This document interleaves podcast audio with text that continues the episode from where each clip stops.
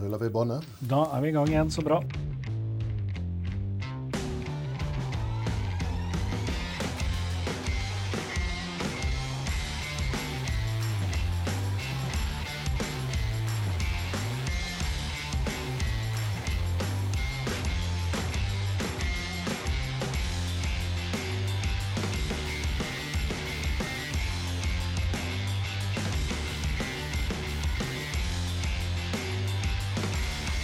Velkommen til en ny episode med Maltprat. Vi er nå på episode Ja, dette her er litt usikkert nå. Ja. Vi er på episode 40 pluss, er vi ikke det? Jo. Dette, dette blir den 43. episoden vi har tatt opp, men det er ikke sikkert det blir episode nummer 43. Nei, og det er jo da selvfølgelig Vi kan bare si det med en gang. Det er for at vi har en sånn en, uh, episode i boksen igjen som vi um, Ja, Vi har flere episoder i boksen. Jo men vi har, vi har en som er liksom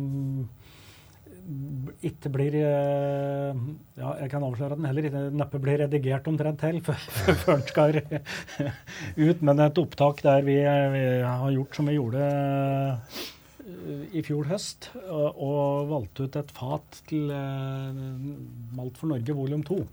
Ja.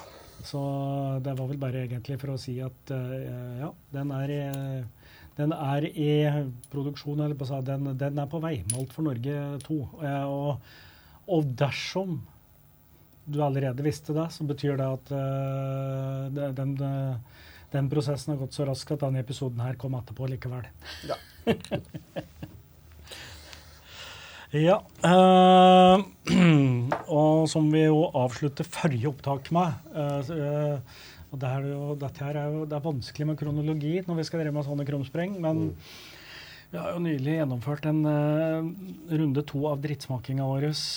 Og klarte nesten å avslutte med to whisker fra Brookladdy, som riktignok hadde vært gjennom en litt sånn ufin prosess ja. etterpå, som kvalifiserte og nominerte dem til drittsmaking. Ja, eh, første drittsmakingen var jo på fire forskjellige, mens denne her nå var på sju? Åtte? Ja. Ja, i hvert fall en seks-sju for mange. Ja. Mange. Det, det, tiden sto stille osv. Ja. Men uh, vi tenkte jo det at vi skulle unne oss noe godt når mm. vi nå tar opp en annen episode samme dagen. Uh, og vi har jo som kjent ikke kommet så veldig langt i alfabetet ennå. Nei da. Så vi, um, vi, har kommet til B. Vi, vi, har gjort oss ferdig med A sånn foreløpig. Ja, ja det, vi har noen høl på A, men det er ja. Vi, vi, har jo hatt et og annet krumspring ut på C og litt sånn forskjellig. Så, men, ja. men la, vi går ja, dagens anledning tilbake til B. Ja.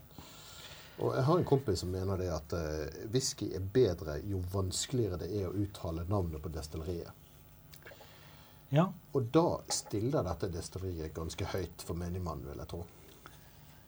Ja, det er altså For dette her er jo sånn eh, i, På den tida da jeg i hvert fall begynte liksom å stå og orienterte meg litt i hyller og sånn, både på taxfree og på polutsalg, så var dette her eh, For det første så hadde de en eh, veldig turkisk etikett. Som, jeg, som, jo selvfølgelig gjorde at den skilte seg ut. Og, men uh, men akkurat navnet det, det, klarte jeg aldri å gjengi til noen når jeg liksom skulle omtale det. For jeg, det, det var der eh, Bruik Brukladik Ladish ja. Uh, Laddy blant venner tror jeg vi skal ja. falle ned på. For det er så mange forskjellige måter folk prøver seg frem på på å uttale dette. Ja, jeg, men jeg, jeg, pleier å gjøre det lett for meg sjøl å si Brook Laddy. Ja, jeg tror det er ganske riktig òg. Ja. Uh, så det er noen stumme seere og hår inni her en eller annen plass. Mm -hmm. det, det, er laget for at det skulle være lett å, å si i fylla, er min teori. Ja, ja. ja. Du, du, kan snuble over dette her. og, og jeg må innrømme, altså For meg så har dette vært en av mine Det har hatt en periode på lista over favorittdestillerier. Mm. Vet ikke Jo, nei, jeg har ikke følt meg så nøye de siste åra, skal jeg være helt ærlig å si. Nei, ikke jeg heller. Altså, jeg, jeg, skal ærlig innrømme at jeg er litt ambivalent til dette destilleriet. På den ene siden så har de veldig mye godt. Mm. På den andre side så gjør de veldig mye rart. Og Noe av det syns jeg er positivt, noe av det syns jeg er negativt, og noe av det syns jeg bare er pussig. Ja. Så jeg, jeg, klarer aldri helt å engasjere meg så mye i akkurat dette destilleriet, rett og slett. For det, ja, det blir så mye å holde styr på. Ja, det, det, ja da. Det, altså jeg, jeg, har ikke mental kapasitet til å sortere alt de driver med, så jeg må liksom gå for de enkle tinga eh, når jeg skal ha det her. Og, og jeg, jeg, vet jo nøyaktig på hvilket øyeblikk de liksom datt litt ut av radaren min. Mm -hmm. Og Det var jo når standard uh, core, core deres, uh, som på det tidspunktet var uh, The Classic 10, 16 og 22, mm når den forsvant. For da, den ble da erstatta av ja, The Classic Laddy uten aldersbetegnelse. Og så er det egentlig ikke noen andre i core-rangen omtrent, tror jeg. Uh, Men er ikke Laddy alltid ti? Nei, det, den er ikke det vet du, når den heter The Classic Laddy nå. Nei, men jeg, jeg, mener å huske noe her om at uh, Ja, uansett. Uh, de gjør det jo ganske greit, da. Det skal de ha. Å finne ut hva som er putta i den. For The Classic Laddie, som er jo deres basisprodukt, det, det,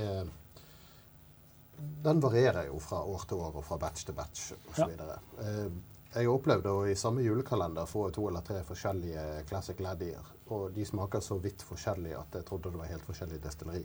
Ja. Eh, men bakpå flaskene står det en kode som du kan slå opp. Og da får du rett og slett fat for fat og dato for dato for det aller meste. Eh, det, det, er noen typer informasjon de ikke får lov til å oppgi. Men, men, du får så mye informasjon som de har å få lov til å gi deg ja. om hva som er gått i den. Ja.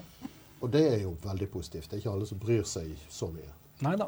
Og, de, altså, og de gjør jo masse interessante ting. Det er bare at jeg liksom Jeg klarer ikke å ta inn over meg eh, hele informasjonsmengden om gangen. Og akkurat The Classic Gladdy står jo på lista mi og litt sånn OK, den den burde jeg kanskje plukke opp igjen og smake en flaske av. Men så er det jo sånn, altså den standard Brook Laddy og den, den, ja, den, serien som fortsatt da har turkis eh, Nå er ikke bare en mm. liten del av etiketten, når det gjelder flaska som er turkis, uh, mer eller mindre. Uh, den er jo da en upita-variant, og det jo, er jo egentlig en sjeldenhet på, i hvert fall på, fra denne delen av uh, Skottland, så, mm. som jo er Ayla, så er jo ikke upita egentlig en greie. Men det har jo Brukladi drevet med egentlig hele veien. Og så vidt jeg vet, så er det fordi at de stort sett har, altså i hvert fall fra gammelt av, var et destilleri som leverte til blendingindustrien, og de trengte ikke bare pita-ting, selvfølgelig, i blenda sine. så de de produserte upita vare til blends. Mm. Ja, de har gjort mye pussige ting. De, de, har jo òg noe av de mest pitede whiskyene i verden. Så ja, de har hele spennet. Ja, de har virkelig Altså, de eksperimenterer og gjør mye Altså gjør jo mye små batcher, egentlig, og, og, og mye singelkaskutgivelser for egen maskin, som jo eh, egentlig ikke er så innmari vanlig. Mm. Men dagens første, ja. den vi begynner med Vi ble eh, for uh, sånn pre-koronatid, uh, dvs. Si halvannet til to år siden, ja. invitert til en eller annen slags bransjesmaking for Brookladdy. Mm. Og der presenterte de stort sett da The Classic Ten. Og vi fikk med oss en aldri så liten uh, tønnesample fra en av disse tønnene som har gått inn i akkurat den batchen av The Classic 10. Ja. Vi kan vel egentlig allerede nå avsløre at selv om vi ja, jo, som et slags uttalt mål har, har, tanker om at vi skal servere eller smake på noe som er, er standard eller tilgjengelig vare når vi har disse destillerispesialene våre, så har vi feila litt i dag. Jeg tror kanskje når vi kommer på slutten her at det finnes at det kan hende det finnes at det er flaske på et eller annet pol, men, men det blir ikke mye Nei. Dette blir ikke så veldig tilgjengelig. Men på den annen side, disse gjør så, så mye forskjellig at uh, noe derfra som er enten av det vanlige slaget eller av det mer spesielle slaget, det, det skal man alltid klare å finne. Ja. Uh, OK. Så dette er altså en sample fra kask nummer 16-062-40, som har ligget i varehus 12-B9. Og ligget på en sherrykask. Destillert 21.07.2006 og tappet på prøveflaske 25.8.2016. Eh, den er altså ti år gammel Mhm. og holder 50 Ja. Som jo òg er, er ikke det prosenten de tapper eh, Classic Laddy på nå? Det er søren ikke sikker. Ja, det, det, på et eller annet tidspunkt så altså de øh, Så gikk de fra 46% til 50% på omtrent alt de har av, øh, av standardutgivelser. Det Så er godt mulig. ja. Ja, den gamle versjonen den var 46 i alle fall, ja. ja. ja. Nei, og da var det, ikke sant, den, den øh, Laddy 10, øh, 16 og 22 som jeg var så glad i, var jo for det første var det en ov, stor overvekt av bourbonfattigdom, og som jo øh, tiltalte meg, selvfølgelig. Og så var de 46 hele serien. Eh, den jeg tenkte på, var De har en som heter The Laddy 8, som er åtte år gammel. Ja, riktig. Ja, det er vel, og det, jeg tror det er jo det som har truffet alle de, eh, ikke sant? Brukledi er jo en, en liten uavhengig sånn, Nå er de vel ikke helt uavhengige lenger, nå har de kjøpt opp av noen andre òg, men var jo lenge da, da og, og driver altså driver for, eget, for egen regning, stort sett, og gikk jo tom for uh, vare pga. etterspørsel. Altså. Så det var derfor, derfor de der eldre utgaven forsvant. Eh, de, en av grunnene til at jeg aldri helt ble klok på dem, er jo det at de har så mange merkevarenavn. Ja. Altså Du har destilleriet Brookladdy, og så driver de i tillegg Port Charlotte, som har vært et merkevarenavn fordi at det er et gammelt destilleri. Men nå driver de og bygger opp igjen det destilleriet. Om ikke de er satt i gang ennå, for den saks skyld. å produsere. ja. Og så har du òg Octomore, som er deres merke på, øh, på en spesiell en heavily peated malt, så, som er oppkalt etter en gård i nærheten. Ja. Og for, for ikke så lenge siden så var vi på en smaking eh, igangsatt av eh, Thomas Ørbom og Whiskysaga. Der eh, barnebarnet til han som drev Oktomor-gården, holdt smakingen, for hun jobber for Brookladdy. Mm. Men de har jo en annen heavily peated malt òg, nemlig en Port Charlotte heavily peated. Så det er ikke bare Octomore som er heavily peated. Helt ærlig, dette klarer ikke jeg å holde styr på lenger. Det finnes nok entusiaster som, eh, som eh, snur seg i graven uten å være død allerede og, og syns at dette burde jeg vite, men helt ærlig, dette orker jeg ikke. Nei. Livet er for kort til å holde styr på hva Brooklyn de driver med. Ja. uh, ja da. Nei, du må bare dykke innom og, og plukke, plukke opp noe og håpe det er godt. Mhm. Eh, jeg har allerede da både lukta og smakt litt jeg, på, på den i fatprøva. Og det var ikke sånn at du egentlig trengte å fortelle meg at den hadde ligget på sherryfat, for det fortalte den på egen hånd. Altså, ja, jeg sa det, det tydelige Tydelige sherrynoter, litt sånn tørka frukt. eh. Det er, det er jo enkelte som har det for, og, og jeg har jo opplevd det sjøl i enkelte anledninger, at liksom destilleripreget til Brukledi er eh, barnegulp, babygulp. Det har jeg heldigvis aldri smakt. Nei, eh, det er mye vi ikke har smakt som vi finner i whisky, men eh, eh, og det er, Jeg vet ikke helt hva det er, men det, er i noen tilfeller, og noen, noen opplever jo det, er- det er lett å oppfatte det som en off-note når du får den assosiasjonen. da. ja, det tror jeg på. Men, uh, men jeg syns jo han er Altså, det er, det er korn her, og det er rett jeg her, syns jeg Eh, Og ikke Ikke Altså Sto det noe er- om det var refill sherry? Nei. Nei. Jeg skrev ned alt jeg hadde om- av info om. Mm. Uh, ja, altså det er typisk sherry, men han er ikke så veldig sterk sherry. Så enten kan det være refill sherry, eller det kan være en av de litt mer pusete sherryvariantene. Mm. Uh, men jeg syns jeg får litt sånn anispreg i, i, i ettersmaken på denne. Det, det er noe Jeg skal ikke si lakrisaktig, men, men litt sånn anis. Nei, og litt sånn Ja, ja jeg kjøper, jeg kjøper anis. Og noe, pepper, noe pepperaktig et eller annet. Mm. veldig drikkbar på 50% Ja, han eh, har ikke veldig tydelig alkohol sånn sett. Nei. Ja, jeg syns han var eh, en fin, relativt ung sherry Sherrywhisky. Ja. Altså, denne var jo da ti år gammel. Jeg kunne godt tenke meg å smake denne på 15-16. Det Ja. tror jeg han ville hatt godt av. Ja. Og så vet jeg ikke sant, altså, det de jo altså, det, det er jo De bruker jo Jeg har ved en eller annen anledning fordi jeg eh, Ja, selvfølgelig fordi at jeg skulle finne en ren bourbonwhisky, vært inne og prøvd å finne ut litt av Brookladdy sine, fordi at eh, i hvert fall sånn jeg husker det, så var det, den gamle serien var mm, var eh, om i hvert, fall, I hvert fall i mitt hue så var det en ren bourbon-tankning. Men når jeg begynte å liksom se på de her forskjellige flaskekoder innover i, i på nettsida der, så fant jeg ut at det, det finnes jo ikke en eneste tapning uten rødvinsfat, f.eks. Mhm. Og rødvinsfat er jo noe vi øh, er skeptiske til. Eh, Sunt skeptiske til. ja. ja, det er litt sånn som å ha sunn skepsis for høyder, f.eks. um, og det er Men det er jo litt sånn det, det er jo et eller annet med at når du lager en blend av mange fat, så, så det blir jo en helt annen, eh, annen whisky enn et, en singel kask. Det, altså det er, det er å, du lager et produkt på en helt annen måte. og det er jeg syns jo stort sett at Bukledi har lyktes med det. Da. Det, det, er jo så, det, er jo, ja, det er en grunn til at det har vært på min eh, Det var, på, det var lenge på min topp tre-liste, faktisk. Mm. Ja.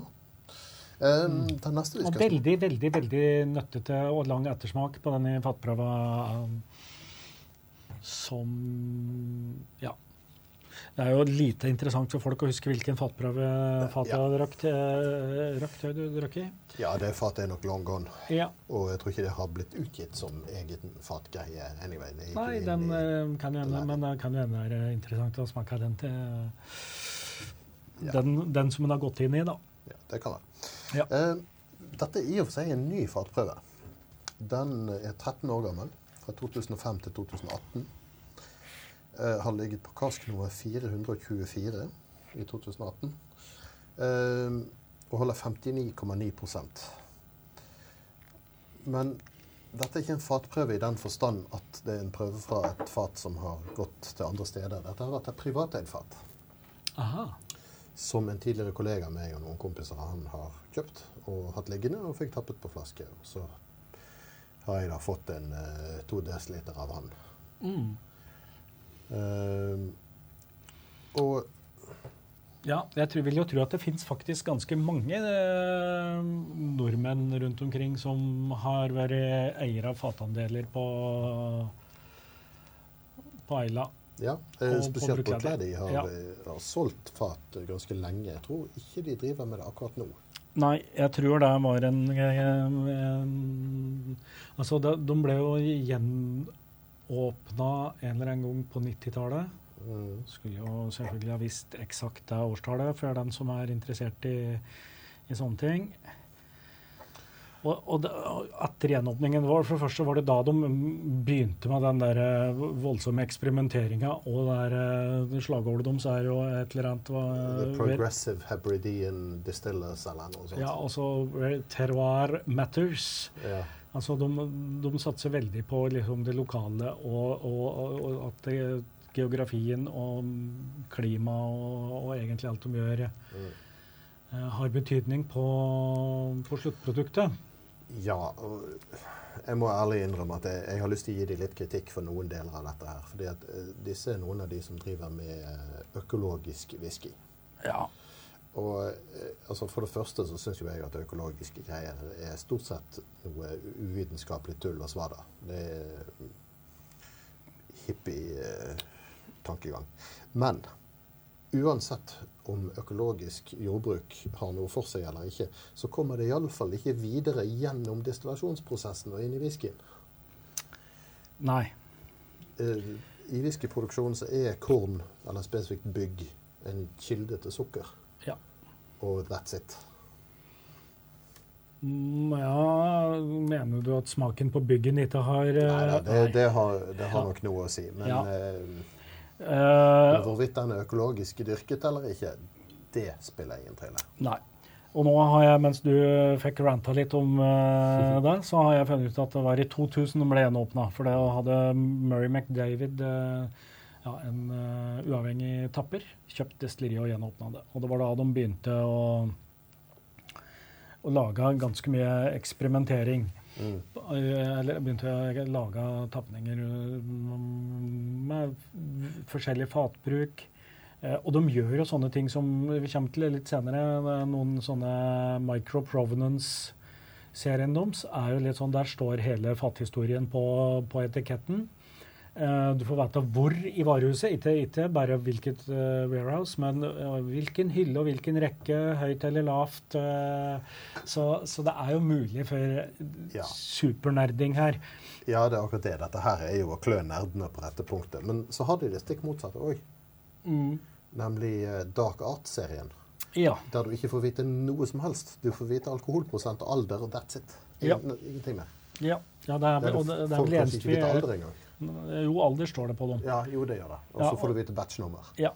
Mm. Men eh, ja, vi har vel hatt med i hvert fall én sånn en tidligere, tror jeg. Ja, jeg tror det. Ja. Altså, det, det, Dark Arts-greiene eh, de har en tendens til å være relativt dyre og mm. litt variabel kvalitet. Jeg har hatt noen som jeg syns har vært nydelige, og så er det noen andre som har vært litt sånn midt på treet, som jeg har følt meg litt lurt over å betale den prisen på. Yeah ja. Nei, det er eh, Ja, som det- det- åpenbart, eh. Altså, det er, det er batch- batch-varianter og, og, og ja. It's like a box of candies. Ja. Nei, chocolates. Men det. de skal ha sånn på generelt grunnlag for å tenke litt utenfor boksen. Uh, når Adam Hannett tok over som, uh, som eh, destilleri Uh, Det er det heter. Du- Master Blender, eller hva det nå blir for noe. Ja. så eh, fikk de laget en tegneserie om han. Eh, et lite svart-hvitt eh, tegneseriehefte som de hyret inn en tegneserietegner til å lage. Eh, det er ikke stor kunst på noe som helst vis, men, men litt morsomt. Ja. Noe Reklame-jippo som de delte ut. Jeg lurer på om det var åtte-tolv sider eller noe sånt. Basically Adam Hannett som må reise bakover i tid for å bevise overfor den han skal erstatte som på destilleriet, at han er rette mann for jobben. Og må hindre de i å eh, ødelegge destillatet. Altså Når han har gjort det og bevist sin eh, eh, verdi, så, så kommer han tilbake til nåtiden og kan fortsette. ja. Så litt, litt svulstig, men litt kult òg. Ja, men eh, OK. Uh, single cask. 13 år gammel Brookladdy. ja. Vet vi noe om fatbruken her? Nei. Nei. Dette her tenker jeg eh, fort gjort er, eh, er bourbon. Det vil jeg tro. Det, jeg vet Han som ga den til meg, er veldig glad i bourbonfat. Mhm. Vi satte vel ikke noe karakter på den første fatprøven, men trenger vi det? Ja, kan vi ikke det? Ja. Jeg har, eh, har eh, for så vidt mentalt gjort det. Ja.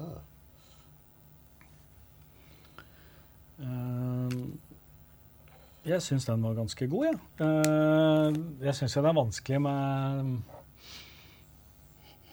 eh, Eller sånn Ja, singelkask, ti år. Mm. Jeg, har, eh, jeg har gitt den uh, 6,5. Jeg tror jeg ender opp på seks blank. Ja. Brukbar. Godkjent vare. Ja. Og jeg tenderer da mot uh, god. Mm. Men dette her, altså det er, Jeg skal ikke si at det øh, lukter babygulp, men, men jeg skjønner jo altså Du skjønner, Ja, det, det er en eller annen sånn fyldighet her. øh, Et eller annet lite det er noe funk. Jeg, jeg skjønte med en gang hva du mente første gang jeg luktet på denne her. At ja, jo, Jo da. Mm. Nå er ikke babygulp det jeg har vært uh, utsatt for. Men, men, men dette her, altså, og og når jeg sier det, så tenker jeg heller ikke at det er frastøtende. altså Bare sånn for å Nei, jeg vil heller ha dette enn babygulp. mm, I alle fall i glasset. mm. Altså, dette er kraftige saker med 59,9 så Men Ja, men veldig mm, fruktig mm, i smaken. mm, Mm.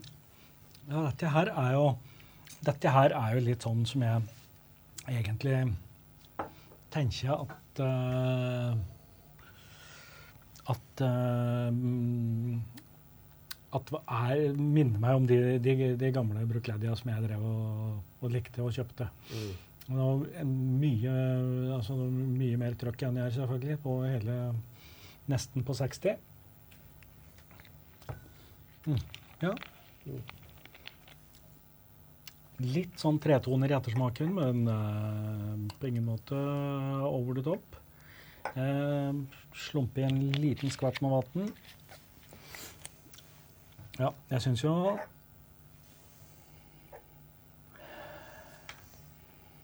Ja, og nå, da syns jeg òg det blir eh, mer, mer korn enn babygulp. Altså, jeg tror det er et eller annet eh, Jeg vet ikke hva den babygulpsaken er for noe, men om det er noe Nei, men jeg, jeg At det er noe krem, mjølk, et eller annet. Altså, ja.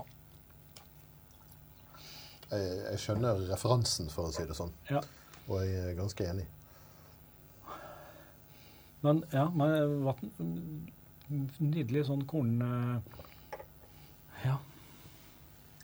Ja, det var, syns jeg var riktig godt, ja. Ja, jeg eh, det rangerer denne høyere enn eh, enn den første fatprøven vår. ja. Eh, Jeg tror jeg vil gi denne syv, jeg. Ja, eh, ja OK. Nå er vi på utjevningsmandater, holder jeg på å si. Jeg gir den 7,5 for å bikke den litt over 7. Oh, For jeg syns den er litt over 7. litt bedre enn Lagerbulin Lagavulin 16. Ja, det Ja. Det Ja, syns jeg faktisk. Jeg liker jo fatstyrkewhiskyer, og Lagavulin 16 er jo ikke akkurat det. Men eh, jeg ville nok heller hatt en lager 16 enn denne, men det er på, det er på håret. Ja. Men, ja, men dette her er jo Det er noe med at eh, ja, altså Laga 16 det, det, det, det vil alltid funke. Eh, men eh, på en litt sånn på en, på en dag der jeg har behov for noe litt uh, ekstra, så, så hadde jeg dratt fram denne. Ja, da skal vi over på en uh, litt spennende serie. Ja. Eh, Dette er en uavhengig tapper som har en serie som eh, de kaller Elements of Isla. Hadde, øh, ja, jeg har en egen sample på den her. Ja. Og øh, ja, det er små flasker, halvlitersflasker, og så har de da de første to bokstavene av øh, destillerinavnet, eller en forkortelse for destillerinavnet iallfall. Mm. Så at A er AR og så videre. Mm. Eh, og så et tall, og tallet angir batchnummer. Ja. Og dette er da BR5. ja. Den eh, kom oss i hende fra Haldenstraktene, tror jeg. Mm. Eh, og på etiketten, håndskrevne etiketten står det 'Malteprat Complimentary'. Mm -hmm. BR5, ja. Og 53,8 Ja. Og den har ligget i tre refill hogsheads, står det. Ja. Og da kan det jo være hva som helst som har vært på de før det. Ja, Det er, eh, kanskje sannsynlig at det er bourbon, men det kan jo være en eh, sherry hogshead òg. aldri helt godt å si med de der. Så Jeg er på en måte glad for folk som teiper igjen korken på flaskene sine, men jeg er ikke så glad i å fjerne den teipen. det er ikke du som hadde en liten lekkasje i bagen på vei hit? Jo, eh, den var fra- en uteipa flaske. Eh, det er bare de å finne den der jæskla enda på teipen. Så ja, nei, men dette kan bli en lang episode eh, mens vi For hvis venter du har kniv eller knipetang eller ja, ja. Ny, Nyklipte negler. Der, ja. Der, eh, der fikk vi verktøy. Nå, ser du. Nå får jeg tak på den. Takker. Yes. OK. Right. BR5. Ja. Den uh, holder jo sine 53,8 så det er ikke akkurat noe eh, smågutt i klassen. Nei. Nå har vel Ja, ikke sant. eh, Vi ligger jo 50 blank er vel egentlig det, det svakeste vi får i oss denne runden her, sannsynligvis. Jeg, jeg likte lukten på denne veldig godt. Jeg får litt sånn melis eh, Sånn eh, rock candy. Mhm. Hva er det det heter på norsk nå igjen? Så, sånn en kvitt snop som er st sukkergreie som er strukket ut og strukket ut og strukket ut. Og du får, får sånne der, eh, staver. Sånn. Polkagris uten røde striper, er det det du er på? Ja, litt, litt sånn. Ja. Ikke nødvendigvis så mye mint heller. Nei. Nei, det er sant. Men uh, ja. Den var fin. Her uh, Ja, vi må jo tro at dette er bourbon uh, hogsheads, tenker jeg. Eller i hvert fall så var det lenge siden det har vært sherry. Mm. Åh, denne syns jeg var fin. Denne likte jeg. Vi skal nok bli gode venner. Mhm. Melis, sukkertøy. Ja. Og en veldig maltepreg i, mm, Ja, ja, i overgangen fra mm, øh, smak til ettersmak. litt sånn maltblokker-type Mm. ting. Ja, dette var fint. Mm. Mhm. Ja, nei, det er Ja. Uh, Elements of Isla BR5 var dette. Det er jo sikkert eh, noen år siden den kom, så vel neppe en flaske vi får tak i i morgen. Jeg vil jo tro Jeg mener å huske de nærmer seg ti, om Ja. ikke mer. Ja. Eh, denne kom i 2013, så det begynner å bli en stund siden. ja. Eh, den har whiskybase nummer 44900. 44 900. Oh, men den var eh, Den satt, ja. Denne likte jeg. Den er, det er Og jo litt sånn- Um, vi prater jo ofte om sødme i sherry, men dette, sånn, mm, litt sånn søt i melisretningen på med bourbonfat, det er jo godt, da. Mm. Ja, altså Det kan være mye sødme i bourbonfat òg, men det er veldig ofte en, en litt mindre overveldende sødme. Det er en, Mm. en litt roligere, mer streit. Mm. Ja, den eh, Og mens vi da, og så lenge vi da driver og rangerer as we go nå Mhm. Ja, jeg har jo bare én vei å gå, jeg, så jeg må jo gå oppover. Jeg, jeg må opp på klassisk, jeg. Oh. Åtte blank. Jeg tror jeg vil oppe i åtte, jeg òg. Ja. Jeg lurte litt på 8,5, men jeg syns det var å skyte litt over mål. Og det er så mye fotballreferanser du får ut av meg. Ja. ja, ja men den var, den var fin, altså. Mm. Ja. Det var eh, dagens første Ja, det var ingen innertier. Nå, nå sitter sportsreferansa ugreit her, ja.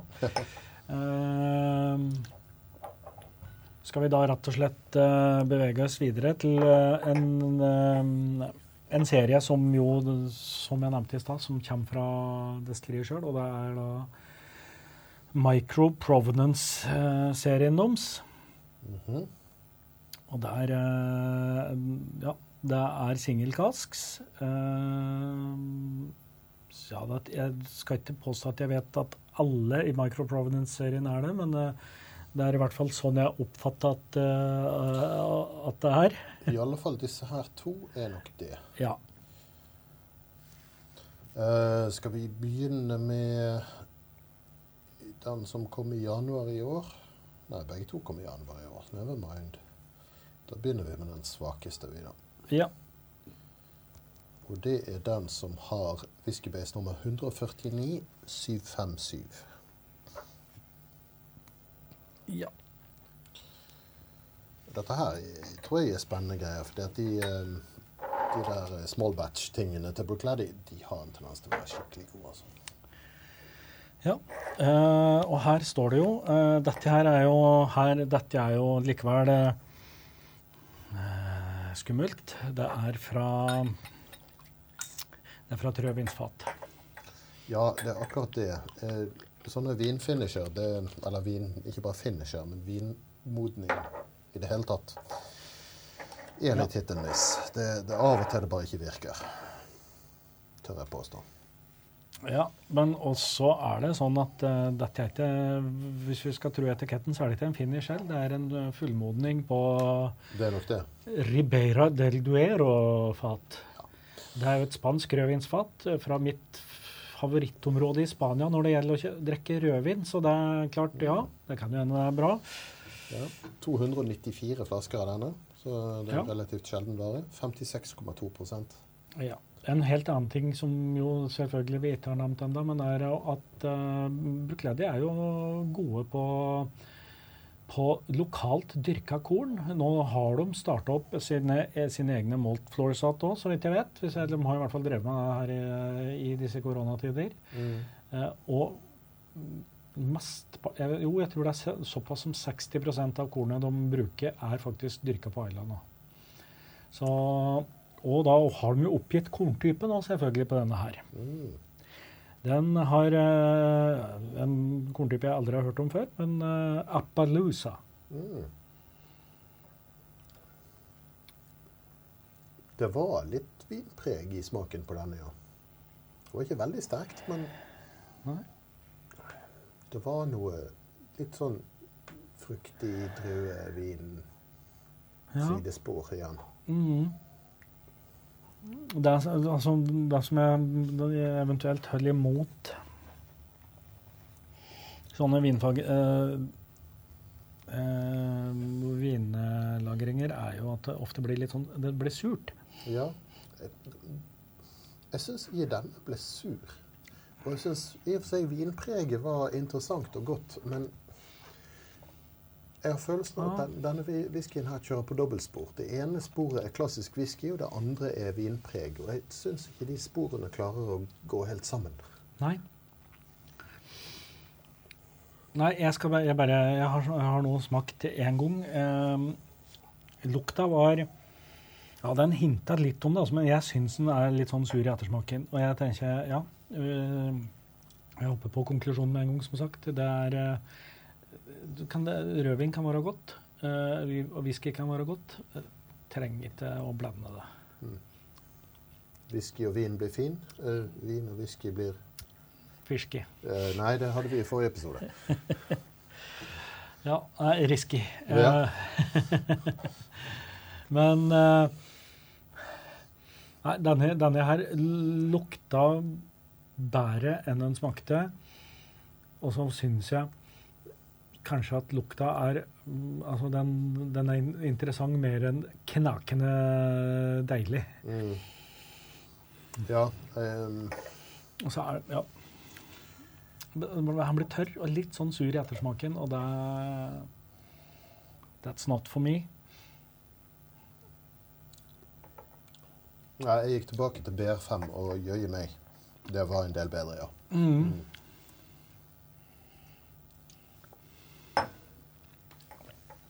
Ja. Um, vi dundrer på å rangere mens vi er i, er i fart. Mhm.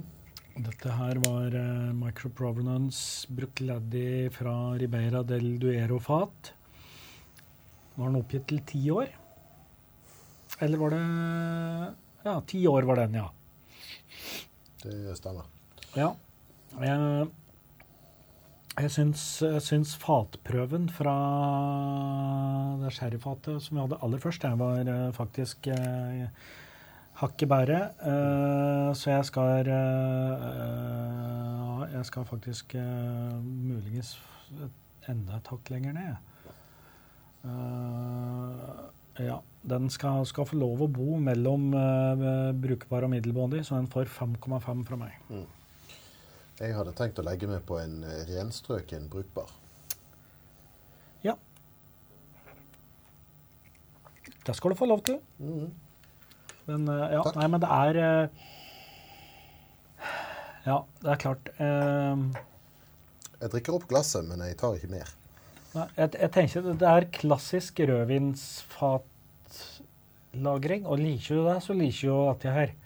Uh, det er bare det Det er ikke min, min favoritt. Og uh, da trenger jeg ikke å late som noe annet. Men vi får prøve den andre, da. Ja. den har whiskybase nummer 150495. Micro Providence Series. Den er tolv år gammel. Destillert uh, Det var sikkert mye bedre, da. Ja, sant. Ble destillert 1.6.2007. Ble tappet 15.1.2020. Eh, Den har ligget på eh, Syrah-vinfat fra Råndalen. Ja. ja. Det er jo mm, verdt å kommentere. Nå er vi vi er på rødvinsfat nummer to, med andre ord. Mhm. Men eh, fargen på den eh, forrige, Ribeiraen, den, den, den ser ut som whisky. Ja, ganske bleik. Ja. Eh, den her ser ut som rødvinslagra whisky. Ja. Denne er litt rødbrun. Kanskje mer rød enn brun på farge. Ja, jeg må skylle et glass, ja. Jeg har rent et her. ja. Dette er én av 276 flasker. Og holder 59,5% så heftig støff. ja.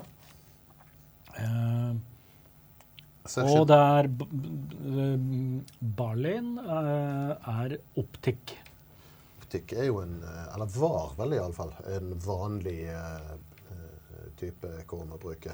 Ja, Jeg, jeg den, lurer på om de har gått fra den til en ny type nå. Ny underart. Ja. Men Uh, men jeg vet jo, ikke sant, det andre destilleriet jeg vet om som bryr seg om sånne type eh, byggvarianter, er jo Springbank, og de har uh, i hvert fall én local barley de siste åra på optikk. Uh, og jeg tror ikke Jeg tror optikk er liksom fortsatt er i bruk, men ikke er eh, Altså- ikke, den som gir mest sprit per uh, aks med korn lenger. nei, for noen år siden var det nok det. Uh, Mm. Jeg husker en del destilleribesøk der det var liksom optikk de brukte. Og de, før det igjen var det vel Concerto eller noe sånt. Ja, og så har du Golden Promise, som Ja. er, tror jeg er sånn 70-80-tallet. Men altså, de, de fleste destillerier de, de hopper fra den, eh, eh, den byggtypen til den andre, og, og etter hvilken som gir mest sukker per tonn bygg. Ja. Eh, eller mest sprit per tonn bygg, men det er jo hvor mye sukker det gir. Eh, så det, det, de driver og manipulerer og heier og styrer og gjør, forbedrer dette bitte litt fra gang til gang. Men det er klart det at hvis du får De går gjennom så mye tonn, mange tonn bygg i året at hvis du får eh, et par liter ekstra sprit per tonn bygg, så, så hjelper det. Mm. Da tjener du mer penger. Um, med mindre du er ute etter å lage noe veldig sære greier, sånn som Bear Barley og sånne ting. ja. Det gjør jo Brookladdy. De har jo jevnlig Og det er faktisk en av de En av de siste Brookladdy-flaskene jeg kjøpte, som ikke var noen sånne spesialtapninger, var en um, batch med Bear Barley for uh, taxfree. Mm. Ja, Det er en merkelig kombo.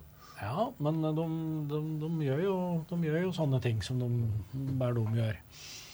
Eh, Holdt 50 eh, Flaska var på en liter, tror jeg, mener jeg å huske.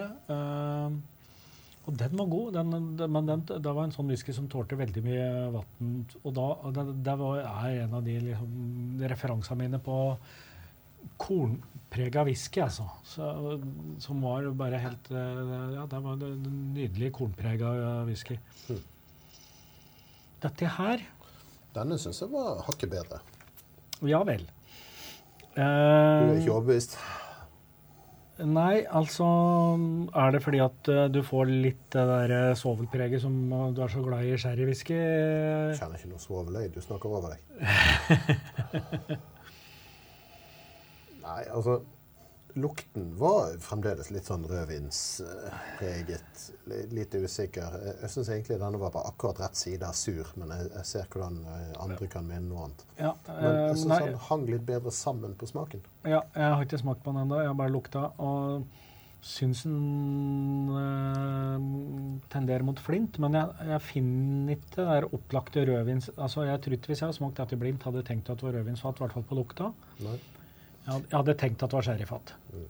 Interessant at du sa flint, for en, en smaksgreie som dette minner meg litt om, er Har du noensinne vært Når du var liten Jeg antar du har vært liten. Jeg har vært mindre, i hvert fall. Ja.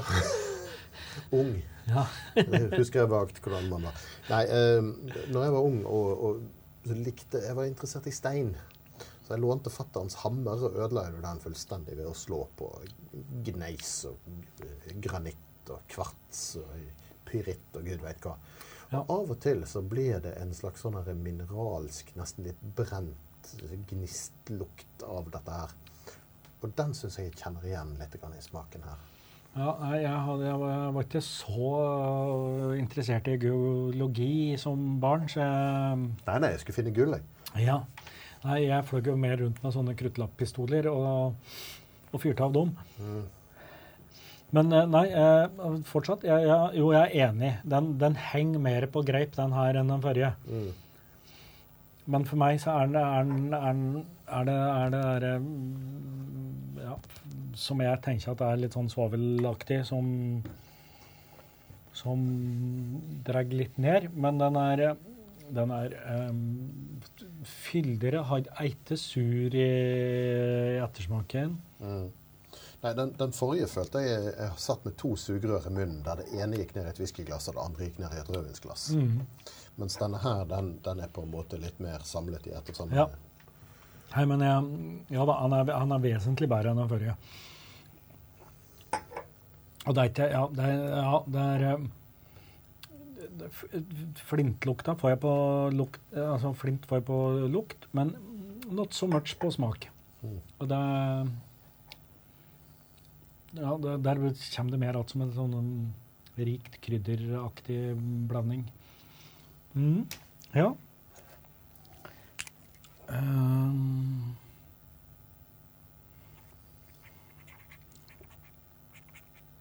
Syrra der, altså. Um, ja. Um, har du lyst til å hoppe ut med en karakter? Jeg må ta en liten titt på listen. Nei. Jeg tenker den er for uh, syv. God. Ja. Jeg skal eh, legge meg på 6,5.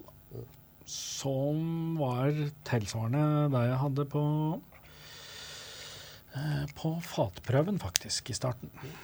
Så vi har begge to rangert denne ett helt poeng over forrige. Ja. Det var jo litt interessant. Ja, det var, kan du si. Eh, ja da. Eh, og med litt sånn tid i glasset Nå ah, jeg, jeg har jeg allerede gitt karakter, men jeg skal jammen Vi et, sa vi Det ble mye vann antagelig. Altfor mye, tror jeg. Jeg tror jeg drukna. Eh, ja. Den holder jo 59,5. Det skal være nok, det. Ja. ja. Og det som er problemet da, med sånne ting som lukter litt sånn flint Hvis du har i vann, så syns jeg det lukter en mer flint. Ja. Ja. ja Ja, jeg fikk nok litt mye vann, så, men, um, så jeg hadde nok tuna litt, men um, jeg tenker at karakteren står seg. Ja.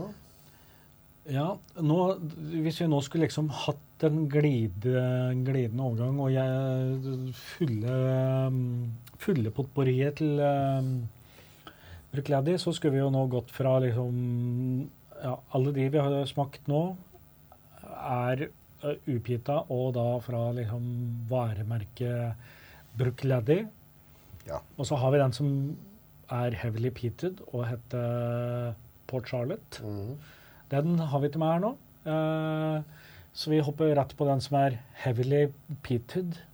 Heavily, heavily peated. Heavily, heavily peated, og som er liksom en øvelse i ja, jeg, vet, jeg vet ikke om det er noen offisiell konkurranse, men det er jo snakk om å ha mest mulig peat eh, Ja, altså, her tyr vi til bygget skitne triks, om jeg kan si det sånn, for å få mest mulig røyk inn i kornet. Altså, her, her er det jo snakk om at når kornet er tørt, så fukter de det på nytt for å dytte inn mer røyk ved å tørke det enda en gang. Og det, det er kjemiske knep og triks og laboratorietester og alt mulig for å få så mye røyk som mulig inn i dette. Ja. Eh, den svakeste Octomore som noensinne er laget, den har jeg hatt en flaske av. Altså svakeste på, På PPM, på peat, Ja. på røyk. Og den hadde 80,5 80,7 var det vel, ppm. Eller Ja. 80,5. Det Står Ja. litt stille. Jeg tror, og da f.eks. Port Charlotte, som jeg jo hoppa over i smakinga nå, den har vel 55, tror jeg, eller 50. Ja, 55 er jo det vanlige for f.eks. Ardbeg. Ja. Og long row, for den Mm. som uh, Og kan jo si det, da. At, at, altså, eh, ja. fordi at vi ikke har med Og den, det er jo en av de nye De har jo den Port Charlotte uh, Ten Years. Mhm. Kom vel i fjor, tror jeg. liksom. Da kom de med sin første vanlige tapning der. Ellers har det vært mye sånn der, eh, underveistapninger og med diverse Men den første liksom store, store tapningen eh, med bred distribusjon kom i fjor. Og den tror jeg fortsatt fins på polet. Jeg hadde en flaske i fjor. Den ble borte etter eh, et par hengekøyeturer i fjor sommer. Så jeg tenkte ikke engang på Jeg tenkte på å spare en sample, men eh, kom aldri så langt. Jeg, jeg syns jo den var Den er en sånn som konkurrerer med Ardbeg 10, egentlig, i, i min verden. Litt sånn men fordi at den da kommer fra Bruichladdich, så er den jo selvfølgelig er det, er det jo fylt på med litt rødvinsfat og litt øh, alternativ fatbruk i, i miksen. Pussige blandinger. Ja. Ja, men, og den funka som ja, For meg, ikke sant, den, den- den funker som et alternativ til Ardbeg 10. Eh, eh, og så ah, fordi at jeg er en, er en mann drevet av vaner, så har jeg likevel gått tilbake til Ardbeg 10 neste gang jeg skulle kjøpe meg det er en flaske i den kategorien. da. Altså, Ardbeg 10 er vel ganske mye billigere enn Octomore. Octomore har en tendens til å koste en del. Ja, nå, nå, ja Octomore, ja, men nå prater jeg Ja. om Port Charlotte. Den, Port Charlotte, ja. Port Charlotte var, ja, den var litt dyrere, øh, men øh, ikke noe som. Jeg, tenk, jeg tenkte å regne på for den saks skyld, men, eh, men jeg tenker jo for det, hvis, ja, den absolutt en eh, interessant. Og jeg tenker at uh, ja, det er, det er, det, Port Charlotte er den serien til Bruichladdich som konkurrerer i, i standard Ayla-klassa. Mm. Uh, Ja, altså, Octomore er vel, og har vel alltid vært noe for de spesielt interesserte. Eh, den jeg tenker vi kan begynne med i dag, mhm. 11.1, Ja. den er fem år gammel. Og er Mm. utgitt i 30 000 flasker, noe som vel må eh, betegnes som begrenset opplag. ja. Jeg holder 59,4% Jo skulle holde for de fleste. Og har 139,6 ppm. Ja. Ja, så bare med sammenligningen til Ardbeg med sine 55. Sant? Det, Ja, og så er jo det, men dette her blir jo målt i kornet før det går gjennom egentlig alt som handler om, om destilleringsprosessen. Det er det som ja, altså det varierer jo. Det er jo noen som måler det etterpå. Og noen må måler det etter at det har blitt tappet på flaske. Og, Ja, det, det er er, komplett umulig gjør, gjør de det? Ja, jeg har hørt litt forskjellig. Det er mulig de har én som må, eh, må oppgi hva som er i kornet, men det er jo òg egentlig det minst relevante. Ja. For røyk forsvinner jo eh, litt grann, går tapt i destillasjonsprosessen. Noe forsvinner i, etter år eh, i tønne. Ja. Så jo lenger noe har ligget på tønne, jo mindre røyk vil det oppleves å være i whisky. Ja, Så- og, det, så har det selvfølgelig med hvordan du, når du da destillerer, hvordan du kutter hale og hode, og hvilken, Ja. hvilken del av destillatet du plukker ut. Mhm. Så jeg syns ikke det er så fryktelig relevant å ha PPM-målingen i, eh, i kornet, egentlig. Nei. Men uh, hvorom nå allting er, uh, så koster denne kroner 2095 for en flaske på polet. Ja. Det er jo ikke den billigste femåringen uh, du kan kjøpe deg. Jeg vil ikke påstå det, nei.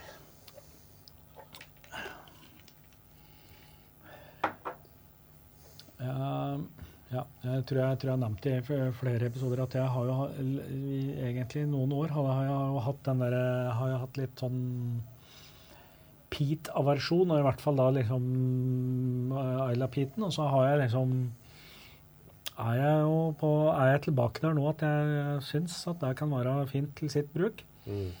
Så jeg, jeg, de- de første gangene jeg smakte Octomore, så bare tenkte jeg at dette, er, dette gidder jeg ikke. Eh, det er, det er, ja, det er, som, det er som sånne folk som syns det er gøy å spise den sterkeste chilien. Uh, og så jo, så syns jeg litt der fortsatt, jeg må jo innrømme det. men, men, men, men, jeg kan nå likevel sette pris på at det er noen kvaliteter i den whiskyen her, da. Uh, ja, altså, jeg vil ikke avskrive det som bare tant og fjas. Nei, altså generelt sett så syns jeg Octomore er overpriset gimmick. Men ja. hvis du hadde tatt vekk gimmicken og vekk prisen, så er det stort sett en ålreit whisky i det. Ja. Fremdeles. Og jeg syns ikke folk skal legge for mye vekt på dette PPM-tallet. For det at, helt ærlig, når du kommer opp i den slags tall, så Du merker det egentlig ikke så godt. Nei, du merker at det er en peated whisky, men du merker ikke at den er fire ganger så sterk som andre peated whiskys på, på peat-nivå. sant? Nei. Uh, men jeg syns jo det, det, er litt drøyt å kreve over 2000 kroner for en fem år gammel whisky. Ja. Og der, ja, der sier jo bare ja, uh, det er, at det er et marked for det, da. ikke sant? For folk kjøper jo dette her og, og, og syns jo det er uh, godt, og det er greit. Ja. Jeg har smakt noen whiskyer som har smakt som om det var pitet vann med ja. sprit i. Ja. Og det, og det blir kjedelig. Det, du må ha noe andre aspekter av det. Noe vanilje, noe sødme og noe krydder. og noe så skal det være interessant i det hele tatt. Ja, synes, ja, eksempel, ja det fins jo, og, og, typisk da egentlig litt sånn unge, unge pita whisky blir jo, kan jo ofte bli litt sånn. Mm. Den her, som jo du sa var fem år mm. Smaker ikke som en femåring. Nei. Den er jo vesentlig bedre enn jeg ville forvente av en fem år gammel whisky. Ja. Men eh, altså, som jeg var inne på, denne her var 139,6 ppm. Han smaker ikke som en whisky som er nesten tre ganger så pitet som Ardbeg. Det er ikke så sterk pit i den, men jeg tror den piten som er i den, skjuler en del andre mulige unoter. Som f.eks. det at han er ganske ung. Ja. Jeg tror rett og slett den piten maler over en del uh, ujevnheter i smaken. Ja. Oh, men uh, veldig sitron uh, mm. Sitronkrem Lemon curd. Ja. I ettersmaken. Jeg får nesten litt sånn brent sitronskall. Altså Hvis du noensinne har hevet en, eh, en sitron på grillen eller uh, hatt en sitron liggende i en lang panne Jeg har jo en relativt ny grill, så jeg skal hjem og prøve ja. rett etterpå. Men, men uh, hvis du lager noe fisk eller et eller annet sånt, noe, sant? og så hiver du en sitronskive oppå den, mm. Og så blir den sitronskiven nesten brent inn i ovnen mens mm. fisken gir seg. ok. Hvis du smaker på den sitronskiven, så er det litt sånn, ja. litt sånn brent sitrus. Ja. Jeg, ja, jeg syns jo at det var uh, godt. Men dette her er jo da Altså det, det, det krever sin sinnsstemning eller et eller annet for å plukke fram noe sånt. Ja, det er uh, Ja, for dette er liksom et par uh, relativt uh, harde slag i fjeset her, liksom. Det er et eller annet Du, du våkner av denne her. Du får deg en lusing med en svidd vedkubbe. Ja. Men eh, jeg tenker hvis du har gått en lang fjelltur i regnet, og så kommer du hjem igjen til hytten på fjellet, og så ja, setter og... du deg ned foran peisen ja. Venter på at middagen skal bli klar, og så nyter du denne her. Ja, det tror jeg fint jeg kunne gjort. Ja da. Og jeg syns um, Ja, men det er uh, mm. Ja. Og det er jo det er, det er egentlig først og fremst på lukt at den er um, at du, at, den, at du, kjenner at den er pita. Altså hvor mange ganger mer pita den er enn noe annet, det er vanskelig å si. Men at den er i liksom Du skjønner jo at den er i ekstremklassen. Ja. Men altså, jeg har smakt noen atskillig mer hårete Ardbegger enn denne her, som rent kjemisk har mindre pite i seg. Ja. Åh, det, nå hadde jeg en bitte liten dråpe vann, og da ble det så fine sånne tråder i whiskyen. Der ble jeg alltid litt glad av å se at, at det liksom at uh, det er et eller annet olje, oljete nedi her som skiller seg. Men ja, ja. dette, dette her eh, hadde ikke vondt av en liten dråpe vann på lukten, syns jeg. Da, da, får du mer det. Men det er jo det er sitrus og, og, og, og pit som styrer inni her. Ja, men heldigvis litt grann sødme òg. Ja. Ja, ja, da, han er Ja. Um, skal vi tenke på karakter? Det kan vi godt. Uh, ja. Uh, den er bedre enn begge microprovenanza, spør du meg. Oh. Brannfakkel. Nei. Eller Ja, kanskje. Uh, nei, jeg skal jeg, jeg, tror Ja, og så har jeg da den derre private norske fatet. Mm -hmm. Som jo egentlig er min type whisky. Eh, og så hadde vi BR5. Ja, nei, ja, jeg skal legge den opp på 7,5, jeg. Ja. Ferdig snakka. Jeg har ikke oversikt over hva jeg har gitt her, men jeg tenker jeg likte BR5 best. Ja, den ga du åtte. Den, ja. den, ga jeg åtte. Ja. Um, jeg tror faktisk denne ender på 6,5. Riktig. Mm. Ja, Så du, her er du litt under laga, ja. laga Wulin 16. Ja, jeg ville heller hatt en laga 16 enn denne. Ja men, ja, men det er litt sånn som jeg sier Det er eh,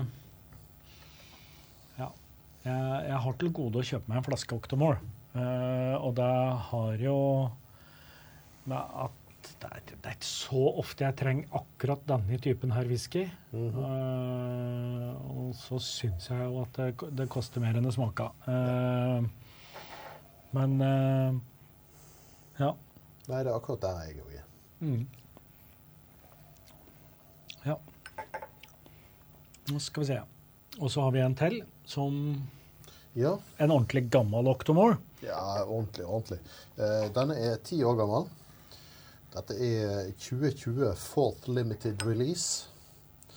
Og holder eh, Helsosan 208 ppm. Ja. Vet vi, vet vi noe om fatbruken her? Utgitt i 12 000 uh, flasker. Fatbruken negger vi ikke sikker, men jeg mener jeg husker de sa et eller annet om, om det på den smakingen vi var på. Mm når vi fikk disse samplene. Ja, nei, jeg husker ikke. 54,3% i alle fall. Men 208 ppm, det, det er jo egentlig helt hinsides. Eh, det, det, er jo et sånt PPM-tall som man i en periode trodde var umulig. Ja, og så er det jo sånn Hvor, eh, hvor, hvor lav PPM må vi operere med for at eh, det menneskelige sanseapparatet plukker det opp? Det, den er jo ja, altså Det er jo noen whiskyer som er helt nede i 5 PPM, men det merker du ikke noe til i det ferdige produktet. Det er bare for å løfte, dreie, endre smaken ja. av helheten. Men du har jo ikke sant, du har Springbank som produserer på sånn mellom 10 og 15. Ja. Den kjenner du jo til. Ja. Eh, altså, Bomore er vel på rundt 20? Ja. Så, og det er, ikke, det er, ikke, så mye som skal til før du liksom merker det. Men nå er vi da ikke sant? Det, mm. det er som de gamle Marshall-forsterkere i, i no, Herregud, hva er det den filmen heter, da? Egentlig eneste rockefilmen du trenger å se. Der de skrur Marshall-forsterkere til 11. Spinal Tap. Spinal Tap. Dette, dette er uh, Helt ærlig, jeg har forsøkt meg på å se Spinal Tap en gang. Jeg sovna. Jeg syns han var dødskjedelig. Ja, altså jeg, jeg, kan jo se for meg at det er en film som ikke nødvendigvis tåler tidens tann like godt. Men eh, nei, det er noen greier der. Altså, med Jeg var på festival og hadde ikke sovet særlig mye på 36 timer, men, ah, men likevel. Okay, ja. ja. nei, det er eh, Det er uh, minneverdige ting der som uh, som når de bestiller seg den fantastiske scenedekorasjonen sin med Stonehenge og, og får den i tommer i stedet for fot eh, levert, så, så, blir det gøy. Ja, ja. Uh, men OK. Uh, ja, og dette er jo, syns jeg, et godt eksempel på at peat-nivå er en uh, artig greie. Fordi at denne her er eh, jo da vesentlig høyere pita enn den forrige. Mm. Lukter ikke sånn. Nei. Altså, jeg har jo smakt både denne og forrige før. Det Ja. sikkert du òg. Ja. Og jeg har satt karakter på den. Uh, det er ingen hemmelighet at jeg likte denne en del bedre enn forrige.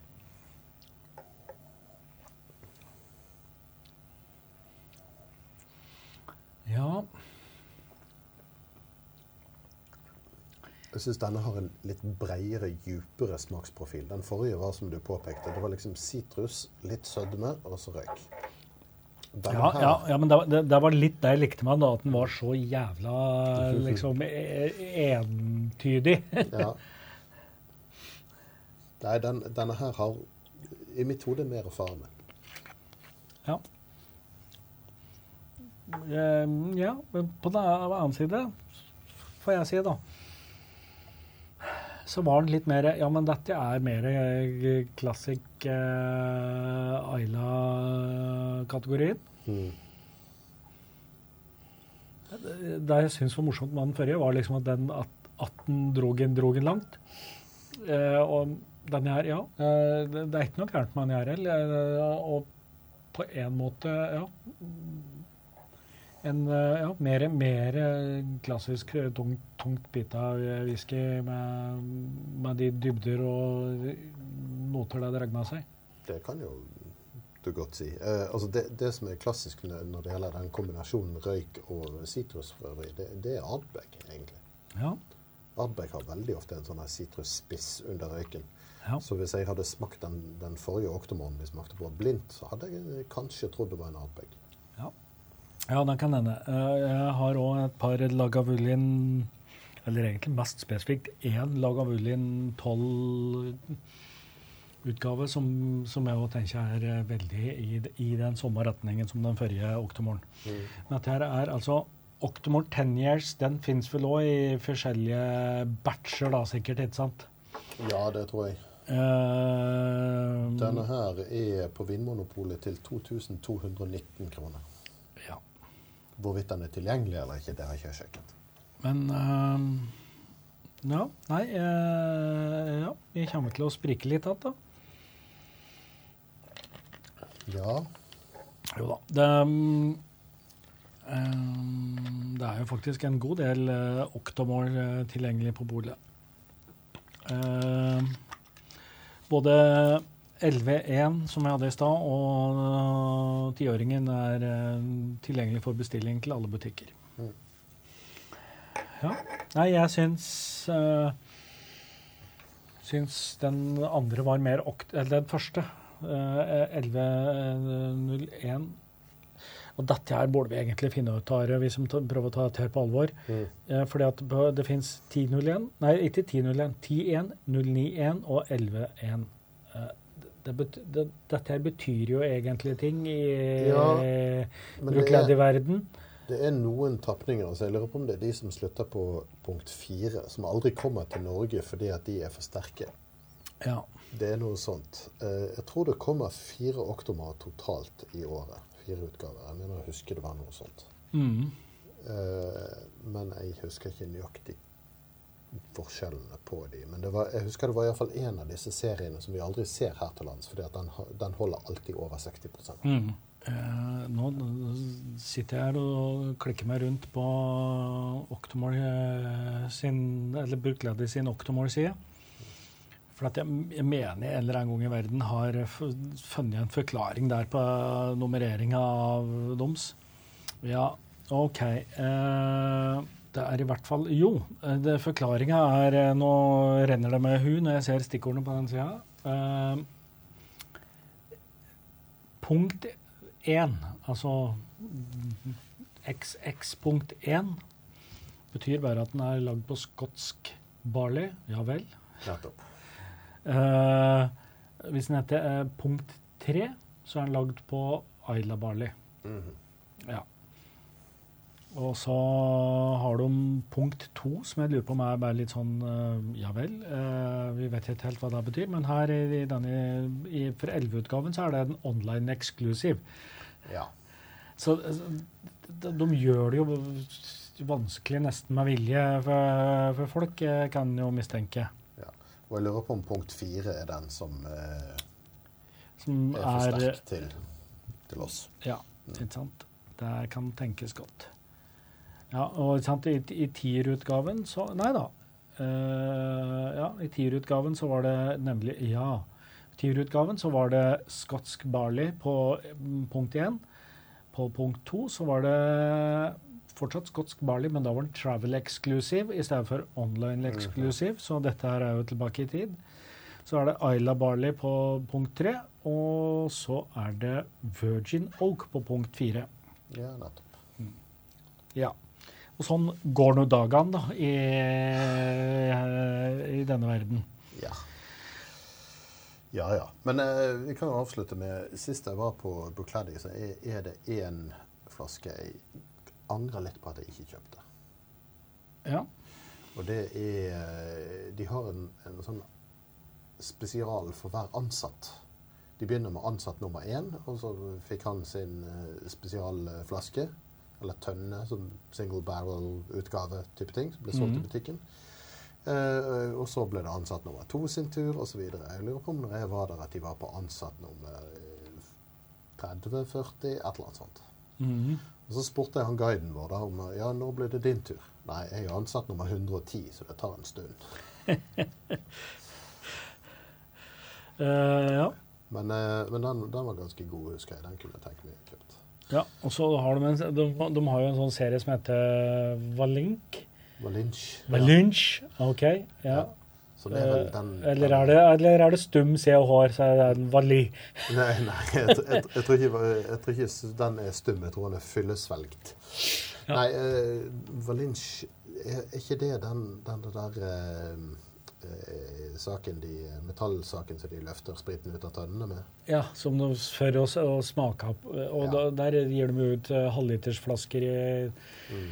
i et helt uh, rasende tempo, som er liksom alt mulig rart. Så det er, det er jo liksom Det er, det er nok.